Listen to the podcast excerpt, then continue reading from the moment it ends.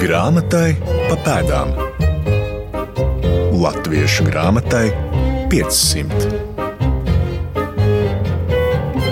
Labdien, grāmatu un vēstures draugi, kā arī tie, kurus aizrauja grāmatu vēsture. Mūsu šīs dienas tēma ir alķīmija, vājība, no kuras brīvi nav pat slaveni vīri. Grāmata kā galvenais izziņas resurss uz savām lapusēm vēsturiski ir nesusi arī šīs zinātnes pārspriedumus. Kā to mūsu sarunu gaitā uzsvēra Latvijas Universitātes profesora Māra Grudule, Savukārt, atcaucoties uz mūsu kultūras vēstures, nebaidīsimies šī vārda gigantu Gotthārdu Friedrichu Stenderu, alķīmija īstiem adeptiem dod dziļākas un plašākas zināšanas par dabas procesiem, pasaules uzbūvi un cilvēka vietu tajā. Citējuma beigas. Iedzīvošanās labturībā ar zelta starpniecību, protams, nav izslēdzama bet tomēr tā ir tikai viena ļoti sazarota fenomena atvase. Lūkosim izprast alķīmijas savdabību, kas sniedzas pāri mūsu ēteru mērogam, bet varbūt tieši tādēļ būs kā mudinājums iepazīt alķīmiju kā progresīvās domas līdzgaitnieci, neskatoties uz tās sakņojumiem mītiskajā pasaules uztverē. Izpētes augsta. Latvijas Universitātes profesors, Korejas studiju centra direktors Kaspars Kļaviņš. Sakritības labad tieši viņa klātbūtne šodienas sarunā īpaši aktuāla. Proti, to balsta pētījums par zinātņu vēsturi mūsu reģionā, kuru veids projekts Rīga literāta, paplašinot Rīgas humanistu neolatīniskais mantojums, Eiropas Republika literārija tulkojot tālsatiksmes intelektuālā kopiena ietvarā Latvijas Universitātes Humanitāro zinātņu fakultātes profesora Ojāra Lāma vadībā. Ar projektu Rīga literāta raidījumā esam iepazīstinājuši jūs epizodē, kuras tēma bija Salamona Frenceļa apcere par patieso labietību un zinību cieņu. To atradīsiet gan raidierakstu platformās, gan Latvijas radio māju vietā portālā lsm.lv. Tik tālu par pagātni bet nu tieksimies pēc šodienas izpratnes par alķīmijas nozīmi tās pamatsūtībā. Stāsta Kaspars Kļaviņš, iesākot savu redzējumu no kristietības vēstures ieloka. Mums jāsaprot, ka kristietībā līdzjūtība, mīlestība un miers sakņojas kaut kur grieķu stoismā, ja? kas ir pārgājis caur judaismu un tā tālāk, kā tāda tradīcija. Bet vēlāk helēnismā tas viss marginalizējas, deģenerējas. Tas viss paliek par surrogātu drusku savādāk. Mēs zinām, ir visādas bahanālijas un tādas lietas, un alķīmija sakņojās vairāk surrogātā. Tas ir tāds produkts, tīra esence, bet jau tāds subprodukts. Alķīmija vēršas nevis pie dieva kā svēts transcendents, bet pie dieva kā demjurga, kurš ir meistars un zina savu lietu. Ja? Viņi jau primitivizē, alķīmija nav dziļa mācība. Alķīmija ir praktiska mācība, bet sakņojas ļoti ierobežotā teorijā. Tā ir dubulta problēma ar viņu, kas ir arī problēma rietumzinātnē, ne tikai rietumzinātnē, pasaulē. Un, ja kristietībā, nu, teiksim tā, tas uzstādījums ir, es neesmu no šīs pasaules. Ja? Mana valstība ir ne no šīs pasaules, mēs zinām. Ja? Alķīmija kaut ko manto no pirmskristietības, proti, maģija. Maģija ir praktiska darbība, lai ietekmētu lietas, lietu gaitu. Bet viņa pieņem viduslaikos teorģijas formu, ja, savā ziņā. Teorģija. Tas nozīmē, nu, mēģinājums iedarboties uz Dievu pašiem. Ja? Nu, respektīvi, mēs sekojot zināmiem principiem, paši kārtojam, palīd, pabīdam Dievu, lai viņš dara tā vai citā. Es varbūt druskuļi grēkoju tā teikdams, bet um, un monoteiskā alķīmijas maģija patiesībā apvieno kristietības un pagādismu tradīcijas izveidojot tādu savu veidu ļoti interesantu surrogātu mācību. Citu izpratnes vektoru alķīmijas fenomena sakarā iezīmē Latvijas Universitātes akadēmiskās bibliotēkas reto izdevumu un rokrakstu nodaļas vadītāja Aija Taimiņa. Visos laikos doma par to, kā iegūt vērtības, bagātības, ir ārkārtīgi svarīga bijusi. Zelta iegūt, protams, ir process, kas nodrošina bagātību, respektu, ietekmi, varu. Bet kas tad ir alķīmiķa darba visaugstākais virs uzdevums? Zelts ir jāiegūst, tas, tas ir nepieciešams un tas ir vajadzīgs, bet vēl vairāk nepieciešams ir iegūt universālo panacēju, universālo līdzekli, nemirstības garantu. Un zelts ir viena ļoti augsta pakāpe ceļā uz šo nemirstību, universālajām zālēm, panacēju un absolūti attīrīto garu. Tā kā šī alķīmijas ļoti komplicētā sistēma, kas savieno vienā loģiskā, ārkārtīgi loģiskā gadsimta laikā izstrādātā kompleksā, sistēmiskā projektā četrus elementus - planētas, metālus, krāsas, to visu ieterpjot vizuāli simbolu valodā un šifrētā veidā, pasniedzot ārkārtīgi sarežģītas, grūti, šobrīd pat atkodējams atziņas.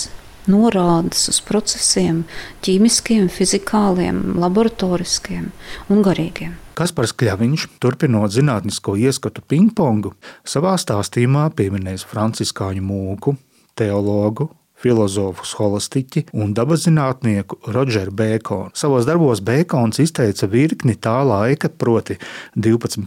gadsimta zinātnes un tehnikas līmenim neraksturīgi drosmīgus minējumus proponēja uz eksperimentiem un matemātiskiem aprēķiniem pamatotu izziņu. Kā lielākā daļa tā laika ļaužu, viņš ticēja maģijai, astroloģijai, nākotni vēstījošām zīmēm, pāris savos pētījumos pieskāries arī alķīmijai deduktīvā, proti, uz loģisku un secīgu spriedumu balstītas izpratnes struktūrēšana un matemātiskās domāšanas akcentēšana ļāva viņam kļūt par paraugu visas Eiropas zinātniskajai domai. Atklājums var nenākt no obligāti ļoti lielas teorētiskas sagatavotības, kas cieši turas rāmjos, jo rāmis nedrīkst pārkāpt.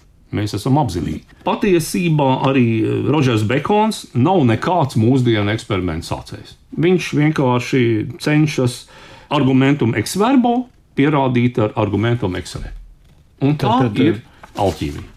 Pierādīt ar vārdiem. Pierādīt ar, ar darbiem to, ka vārdi, vārdi ir tā, kā tur ir teikts. Ja, tad tomēr, neskatoties uz savu nobīdi no viduslaika filozofijas, marginalizējot viņu līdz surrogātam, alķīmiķis un paņemot kaut ko no pirms kristietības. Mēs redzēsim, Latvijas materiālā, piemēram, ir arī ļoti interesanti. Šeit mēs uzreiz varam pāriet uz Latviju. Nu, piemēram, ir tāds ir Salomons Guberts, kurš ir sarakstījis rokas grāmatu racionālai lauksaimniecībai. Izdot viņa ir 1645. gadā. Viņš citēja alķīmiķu Kunrātu, ja, kas um, pirmoreiz lieto terminu fizikālā ķīmija.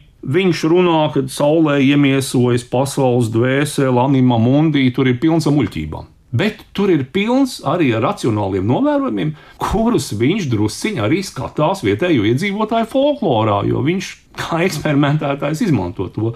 Teorētiski darbs ir, ir nenozīmīgs, bet praktiski.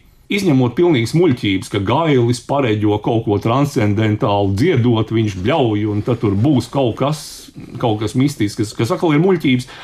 Visumā tā lauksaimniecības izpratne ir tik reāla, ka Lomonosovs viņu savulaik tulko Krievu valodā kā praktiskās lauksaimniecības pamatu.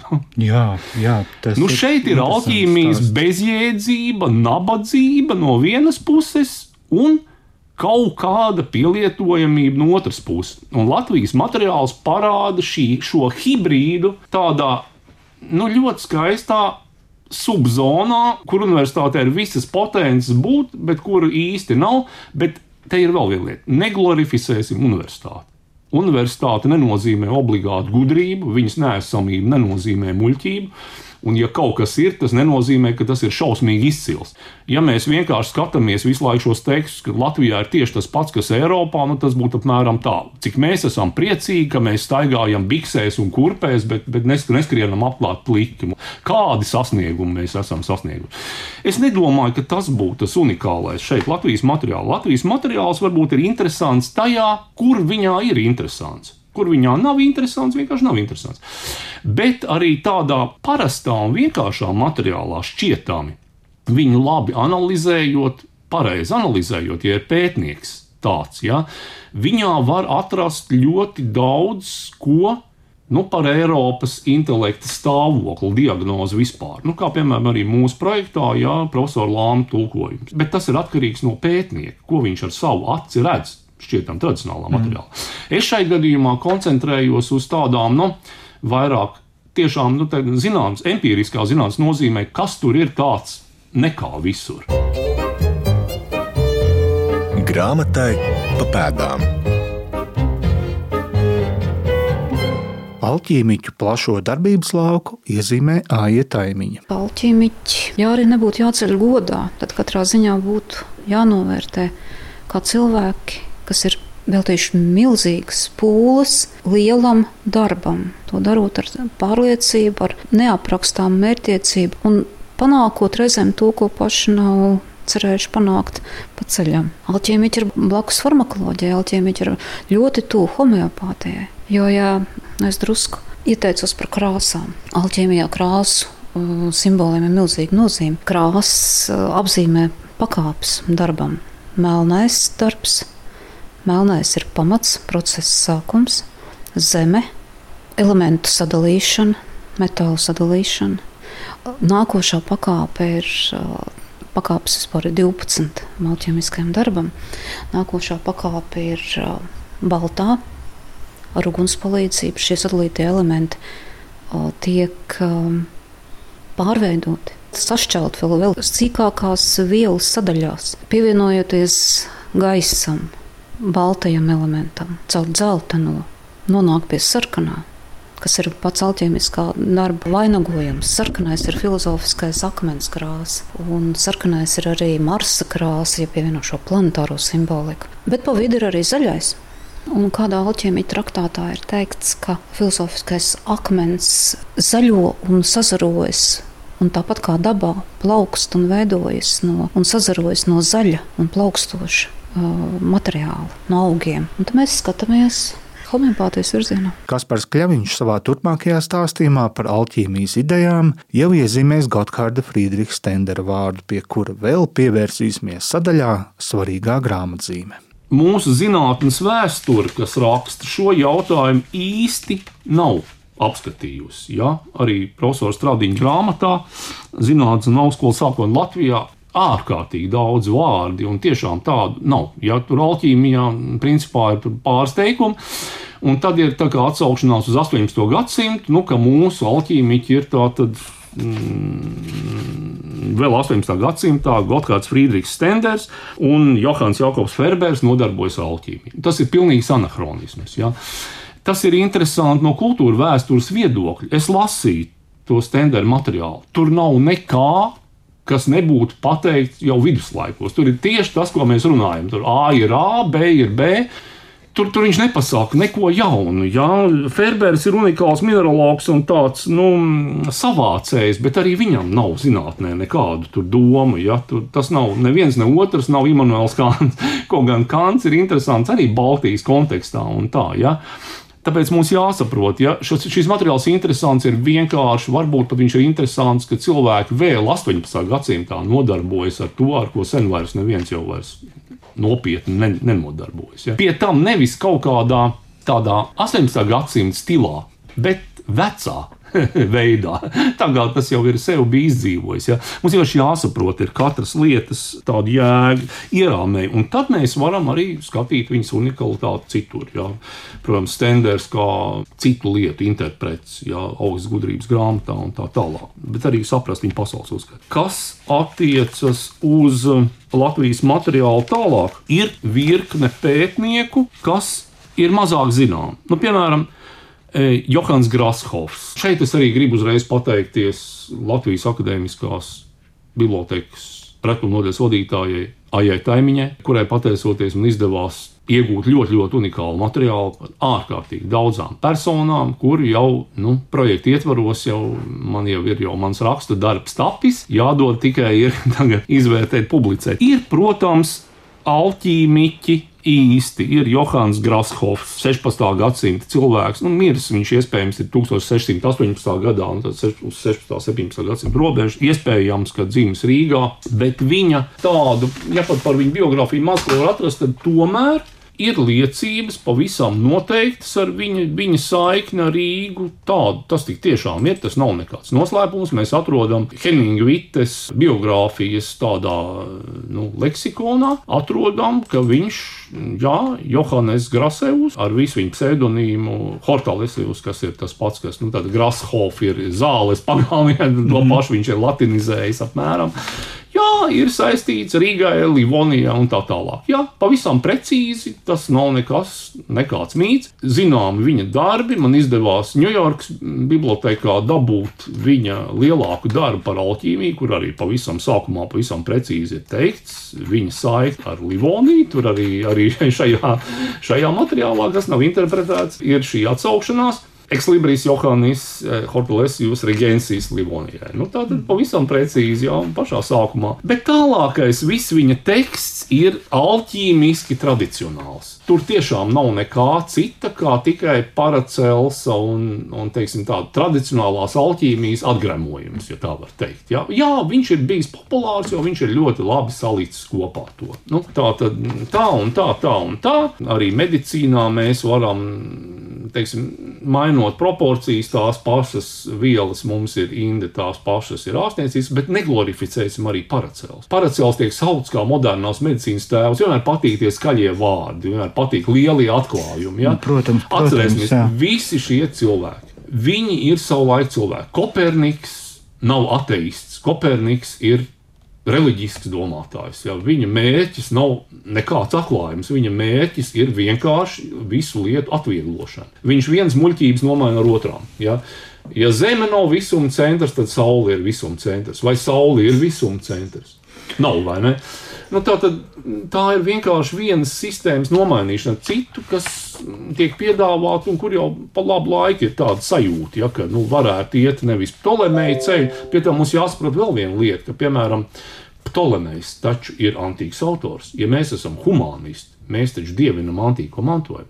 Līdz ar to Ptolemeja ideja, kas šķiet mums bērnišķīga, nu kāda, kāda zeme nav, piemēram, tādam kārtīgam humanistam var likties, ka, kas ir Koperniks, Prūsijas, Polijas domātājs, bet Ptolemejs taču ir antīkais domātājs. No šāda viedokļa, kāpēc mums jātic Kopernikam, ka Mm, Zeme griežās ap sauli. Mm. Ticēsim antīkajiem, īstajiem avotiem. Nu, tā arī cilvēks var domāt, ja viņš ir labs humanists, viņš var vispār šo Koperniku nepieņemt. Ja, no tādas. Tāpēc mums jāsaprot, ka atklājums vai neatklājums vispār ir šausmīgi relatīva lieta. Un eh, skatoties tālāk mūsu zinātnes mantojumu, kas vēl Latvijā ir, jā, visumā eh, nonāk nu, ļoti daudz lietu. Ja, piemēram, ir ļoti pazīstams tāds uh, uh, Van Helmont. Viņa darbi ļoti mm, populāri tajā laikā. Jā, viņš ir dzimis 500, 1580. miris 1664. gadā. Mm, nu, ķīmiķis, alķīmiķis un tā tālāk um, dzimis Briselē, ja, Spānijas, Nīderlandēs. Nu, viņa darbi, protams, ir, ir mums Rīgā pieejami. Piemēram, viņi tulkot vācu valodā, izdod Amsterdamā, bet nu, arī tīri alķīmiskā garā. Ja, tur, tur tiek skaidrot tas, ko mēs runājam par matēriju, pirmatērijas, es, es tā palasīju. Un filozofu akmeni un, un, un citām lietām. Mums jāsaprot, ka visas šīs maģiski, mistiskās lietas, piemēram, filozofu akmens un tā tālāk. Kāda gudrība kas būtu iepriekš esama. Atklājam tekstus! Heinrichs Kundrāts, augsti izglītots un daudzpusīgs pētnieks un dabas zinātnieks, dzimis un darbojies Vācijā, bet uzturējis ciešas saiknes ar Anglijas alķīmijas censoņiem. Viņa apjomīgais izdevums Mūžīgās gudrības amfiteātris ir aplūkojums Latvijas Universitātes akadēmiskās bibliotēkas reto izdevumu rokrakstu nodaļā, un tieši ar šo grāmatu mani iepazīstina Aija Taimiņa. Viņam patiešām ir bijusi laboratorija, un viņš patiešām ir nodevies nerimtīgiem eks eksperimentiem. Kur šī lokācija varētu būt tā laboratorija? Dresdene, Leipciga, Magdeburga, nu faktiski jau laikam Leipciga. Vai nē, vēl nē, kāda? Nu, viņš ir, nu, viņi kā viss, tas acīt jāsaka, maisas pa pasauli bez čeiteņa. Varētu būt arī Bohēmijā. Laboratorija, kas īstenībā ir simboliska laboratorija. Un ļoti daudz nozīmīga šī aina kļūst tad, kad sāk lasīt pavadošos tekstus, un tad mēs saprotam, ka mēs redzam ne tikai galdu ar muzikas instrumentiem, ne tikai rakstām galdu, kur ir atvērtas grāmatas, dažādus podestus ar um, kolbām, burkām, ierīcēm, vaicētājiem, destilācijas aparātiem, plēšām, ogļu, kurvi, lāpstu, tādas sadzīves detaļas. Bet patiešām šī arī mūzikas instrumenti. un arī mūzikas instruments. Nu jā, un tā ir vēl viena, tā ir vēl viena, varbūt ne, ne, ne pārāk izteikta alķīmiskā procesa, kā garīga procesa iezīme. Šī tieksme pēc lielās harmonijas. Ja atceramies to, ka mūzikas instrumenti un mūzika kā tāda faktiski ir simbols lielajai visuma harmonijai. Mūzika ir dievišķa, tā ir visuma harmonijas izpausme. Alķīmija tiec uz šo milzīgo mērķi, uz, lielu, uz harmoniju, pilnību, uz ideālu. Labi, atcerēsimies Buru flautu Mocartu, šo transmutācijas procesu dvēseles. Arī caur uguni, ūdeni, gaisu. Un tad top jaunais cilvēks. Gluži tā. Jā, te arī senai brīvā rakstu. Ja vien man, protams, būtu līdzi šeit. Tur ir gan. Ir, jā. gan bet uh, Kurāts jau pats saka, ka viņš ir kristīgi kabalistisks zinātnieks. Kristīgais un kabalistiskais ir savienojies austrumi, rietumi. Ne jau tikai vīrišķais, sievišķais, un saule, mēnesis, diena, nakts, zeme, gaisa. Mm, Šīs uh, apvienības savienojumi ir daudz, daudz plašāki. Tāpēc arī tā kunrāta uzstādījums jau ir savienot austrumu zinātnes un rietumu pasauli.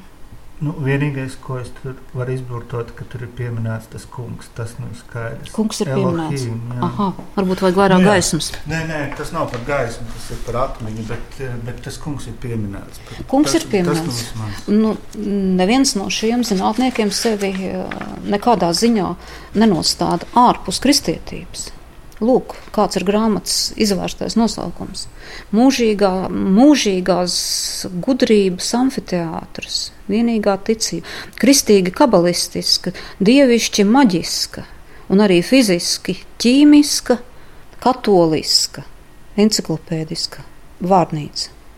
Un kāpēc tur ir pieminēts diabolo? Uzdot šo jautājumu Kunrātam. Tāpēc, ka dievišķais un, dievišķais un sāteniskais Nē, vienmēr ir blakus. Ja? Ādro, ā, nu varbūt, jā. Pilnīgi noteikti. Nevar būt savādāk. Un tas viņš pats ar sunīti. Ā, nu jā. Un lūk arī tas, ko tu minēji, Luna, Sol. Jā. Un um, tā jau ir kabala, kas ir tajā trīs stūrī. Tieši tā. Tāpēc arī te būtu tā tālā saite no Ēģiptes caur, um, caur kabalistiskajām zinātnēm un austrumiem uz Eiropu, uz kristīgo pasauli atnāk šīs senās, senās un ārkārtīgi saistošās okultās zinātnes. Svarīgā grāmatzīme. Nu pienācis laiks iepazīties ar Gotthārda Friedricha Stendera 1794. gadā tapušo manuskriptu. Klāvis Magijāe - slepenais dabas viedums no gudrības akmens, vēsturiski, fiziski un praktiski apgaismots, to papildina skaidrojošs leksikons un pielikums. Šis manuskripts atrodas Tartu Universitātes bibliotekā, un tā izpēti, gatavojot arī sekojošu jaunu izdevumu, veikusi Latvijas Universitātes Humanitāro zinātņu fakultātes profesore, literatūra vēsturniece Māra Grudule. Cik ir zināms no viņa biogrāfijas, tas, ko viņa dēls min atmiņās, ka viņš ir sācis interesēties par alķīmiju Kopenhāgenā, kas varētu būt arī tā vieta visdrīzāk, kur viņš ir nonācis vistuvāk, ja ne kurzemē jau pirms tam brīvmūnieku lokam, un kā mēs zinām, arī dzīvojis pie brīvmūnieka Korfa mājās un izmantojis viņa biblioteku. Tā ir vēl viena vieta, kur varētu vēl meklēt kādas pēdas pavisam tiešai stendera saiknei ar brīvmūrniecību, es domāju, un uh, brīvmūrniecības ideālisms un garīgā izaugsmē, alķīmija, rožkrustieši, tās ir ir tādas, tur ir savstarpējas, es domāju, tur ir savstarpēji krustpunkti, un tas viens otru papildina. Un, tas ir tas, kas Stendera interesē. Bet dēls arī min, ka pēc Kopenhāgenes viņš ir no tā attālinājies un nodevis savas zināšanas vai ļāvis alķimizēt sievai. Un uh, sieva tad ir mājās galvenokārt, un Stenders arī to min uh, vēstulēs Burkhartam, uh, darbojusies tikai augu valsti un izmantojusi uh, savas zināšanas, uh, kā mēs saprotam, arī lai palīdzētu dažādu veidu ārstniecībā. Un tajā laikā, kad Stenders sarakstās ar Burkhartu, mēs zinām, ka viņam ir zināšanas par alķīmiju, un mēs zinām arī, ka viņam ir mājās grāmatas, ko viņš arī iesaka Burkhartam, bet viņš pats saka, ka viņš Kur te bija? Man kaut kur bija arī tas uh, citāts, ka viņš ar klusu. Ah, manai sievai ir praktiska pieredze, esmu tikai sajūsmināts skatītājs. Un uh, bieži uz eksperimentiem skatos ar klusu apbrīnu. To viņš raksta par sievu, un tad sieva aiziet mūžībā, un 12 gadus Stenders ir viens pats, un acīm redzot, pēc viņas arī ļoti skumst. Un dēls atmiņās, tas ir jaunais tenders, labi zināmais jaunais tenders, raksta, tā, tāds gars kā viņš nevar imties bezdarbībā. Tad nu, viņš galvenām kārtām nodarbojās ar alķīmiju. Bet uh, pēc sievas nāves tā tad sāk ar to atkal nodarboties. Tā ir vājība, no kuras nav brīvi pat slaveni vīri. Īsi sakot, tāds nu bija viņa jājams zirdziņš. Ilgstoši rūpīgi pētījumi nekad nebija viņa dabā. Viņš sekoja klusajai dabas norisei, kā viņš pats mēdz izsacīties. Viņa interesēja kāda šķidra viela, kas, kā viņš pats izteicās, pati sevī noslēdzas un mainās krāsās un veidos, un šī vielā viņš cerēja arī atrast izskaidrojumu. Viņš bija pārliecināts, ka galamērķis nav vis tālu, un tas arī ir viss, kas par šo lietu sakāms. Par to viņš rakstīja arī dažus apcerējumus, tos laika pa laikam pārstrādādams. Stenders labprāt mēdz runāt par alķīmijas lietām, un viņam patika, ja kāds klausītājs viņam ticēja un piekrita. Tikai tas viņam nepatika, un to tā tad visu saka tas dēls atmiņās, ka viņa vienīgais dēls, tas, kurš šīs atmiņas ir pierakstījis, ko viņš citādi bija ļoti iemīļojis, izturējās pret noraidoši pret visu, kas ar šo mākslu sakarā. Tā kā tas klausītājs nav īstās ausis stenderam, kā mēs saprotam, taču arī viņi daudz tika runājuši par šo matēriju. Vēl nedaudz dienas pirms savas nāves viņš itin sarūktināts pārmeta dēlam tā neticību šajās lietās. Nu, tās ir jaunās tendera atmiņas. Un, kā mēs zinām, divus gadus pirms nāves uh, Gotthārds Friedrichs Stenders sakārtoja vienu no saviem pēdējiem manuskriptiem. Die Heime Naturweisheit vom Steiner Weisen, un uh, Dens Dimiņš ir brīnišķīgi iztulkojis virsrakstu Slepenais dabas viedums no gudrības akmens, vēsturiski, fiziski un praktiski apgaismots. To papildina skaidrojošs leksikons un pielikums. Un tā tad uh, manuskripts ir tapis 1794. gadā pabeigts, un manuskripts atrodas uh, Tartu Universitātes bibliotēkā, ir ieskanēts, uh, tā tad ir arī atšifrēts, uh, respektīvi transkribēts, un šobrīd, kopš vakardienas, ir arī pilnīgi Dena diviņā pārtulkots. Jā, mēs pašlaik vēl strādājam pie ievada. Alķīmijas vēsturnieks Klauss Prīzners, kas ir Minhenes profesors, ir sagatavojis uh, skatījumu uz Stendera personu, viņa uzskatiem, izējot no trūcīgajām biogrāfiskajām ziņām tieši alķīmijas un alķimizēšanas sakarā, un, protams, arī no tā, ko viņš saskata Stendera manuskriptā, jo 18. gadsimts, vēl 19. gadsimta pirmā pusē, tas nebija nekas eh, rets, dīvains vai neparasts. Ja izglītot cilvēku, un vēl jau vairāk arī teologu, kā mēs jau dzirdējām, kristīgās idejas iet kopsolī ar to, ko mēs atrodam alķīmiķu darbos, eh, to arī mājās praktizē. Tā kā Stenders iekļaujas kopējā alķīmiķu pasaulē, eh, laikā, kurā viņš ir dzīvojis un kuru viņš pārstāv. Ko es vēl varu teikt par manuskriptu? Varētu būt, ka Stenders to būtu rakstījis sev, bet drīzāk tas, ka ir pievienots leksikons, liecina gan par to, ka grāmata ir domāta tiem, kas varbūt alķīmijas gudrībās nav īsti iesvaidīti. Ir pavisam, pavisam nedaudz arī ilustrācijas, bet uh, manuskriptam publicētā veidā. Tātad tas būs bilingvāls izdevums. Ir paredzētas arī ilustrācijas no viena vācu manuskripta, 17. un 18. gadsimta mījas manuskripts ir dabūts jau no Gotas arhīva ar profesoru Prīznera ieteikumu. Tas gala variants ir paredzēts arī krāsaini ilustrēts. Un, jā, eh, manuskriptam arī tiks pievienotas manis jau minētās eh, Stendera vēstules eh, Johannesam Burkhartam.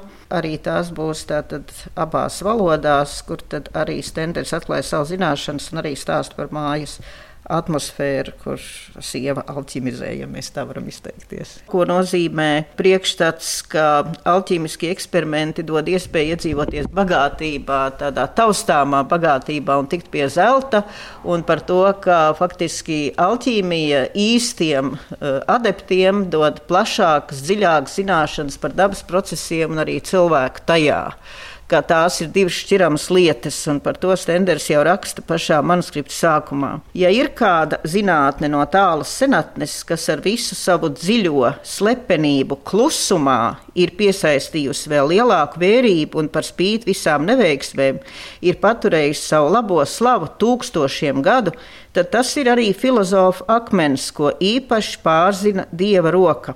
Un tālāk. Tas ir liels piedaudzības akmens iedomīgajiem ķīmiķiem, un viņa noslēpumainie apraksti ir magnētisks pasaku dārs pēc zelta augstošajiem darboņiem. Tūkstoši ir meklējuši šo zelta nesošo dārgakmeni ar dedzīgu aizrautību, pretdabiskā veidā ir izšķērdējuši visas savas iemaņas, upurējuši mieru un labklājību, bet beigās zelta kalnu vietā ir atraduši nelaimju bedri, cik skumji. Tas ir pamudinājis daudz augsti mācītus vīrus savu neveiksmīgo zelta spīdumu meklējumu un iesakņoto aizspriedumu dēļ noraidīt to visu kā senatnes pasaciņas, izsmējīgi norakstīt cēlākās un slavenākās dabas būtnes kā sapņotājs, bet te kaut kas nav izdomāts līdz galam. Gudrāki ļaudis, kas iedomā bezgalīgo brīnumaino pavairošanu, kas ar sēklu starpniecību noris augu valstībā, atstāja dabas noslēpumiem zeltaudzes darbā to vērtību. No nezinātājiem vairāk nevar prasīt, vien dažām dziļi domājošām būtnēm klusumā ir izdevies nolūkot šos slepenos dabas ceļus un atrast to gudrību, kura ir visu dārgumu dārgums un kā noslēpumu noslēpumu turprātā visaugstāko dārgakmeni. Un tad tālāk arī procesi, ko darīt un kā rīkoties. Vai patiešām zeltam ir tik liela ietekme uz cilvēku prātiem? Iespējams, to mums atklās jaunievēlētie tautas priekšstāvji, kurus mums jāizvēl 1. oktobrī, bet varbūt labāk ir gremdēties mūsu vēsturē, lai gūtu tur stiprinājumu šodienas gaitās.